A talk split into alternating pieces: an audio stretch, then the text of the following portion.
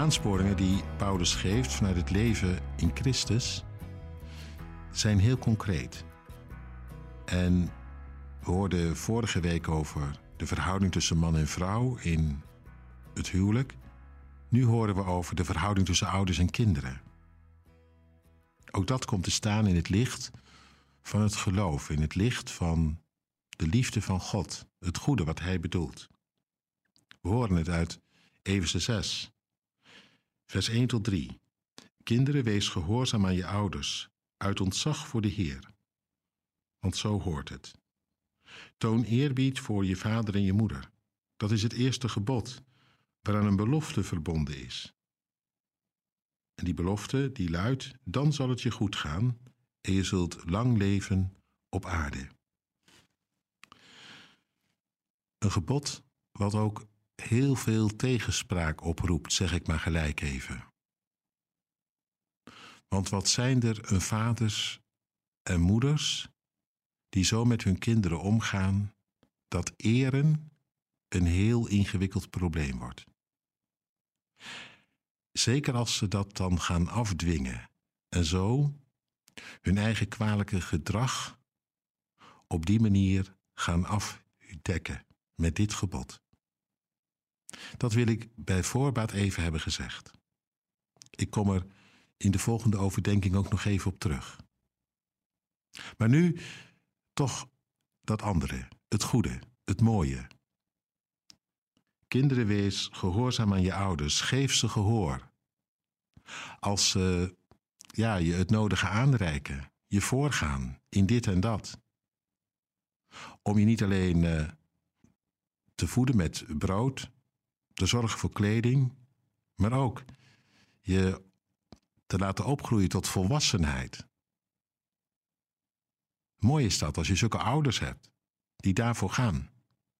Nog mooier als ze daarbij ook denken aan je ziel, jouw ziel en zaligheid hun ter harte gaat.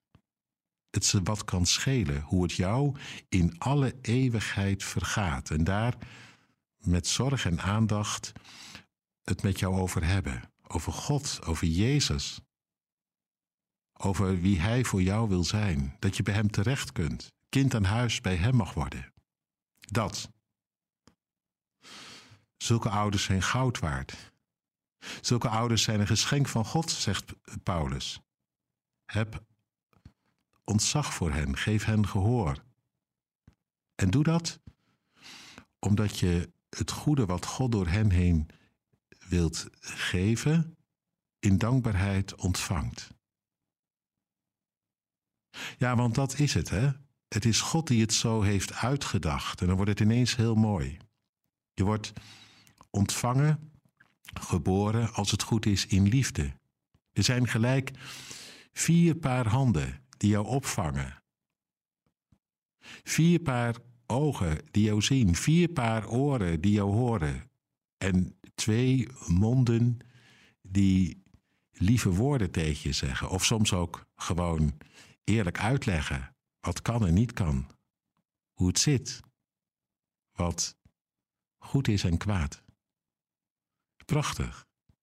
Wat een zorg van God.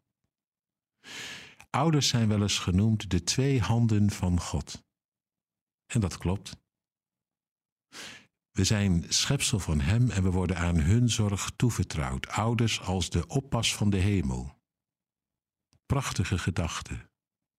Wat geweldig, als je dan een goede oppas hebt, zo gezegd. Daar zit een belofte in. Dat belooft leven, staat hier. Nee, misschien niet altijd een lang leven op aarde, maar dat bedoelde het oorspronkelijke gebod ook niet. Een lang leven staat daar in het land dat de Heer uw God u geven zal, het land van de belofte, zijn koninkrijk. Alle reden dus om je ouders, als het even kan, hoog te houden.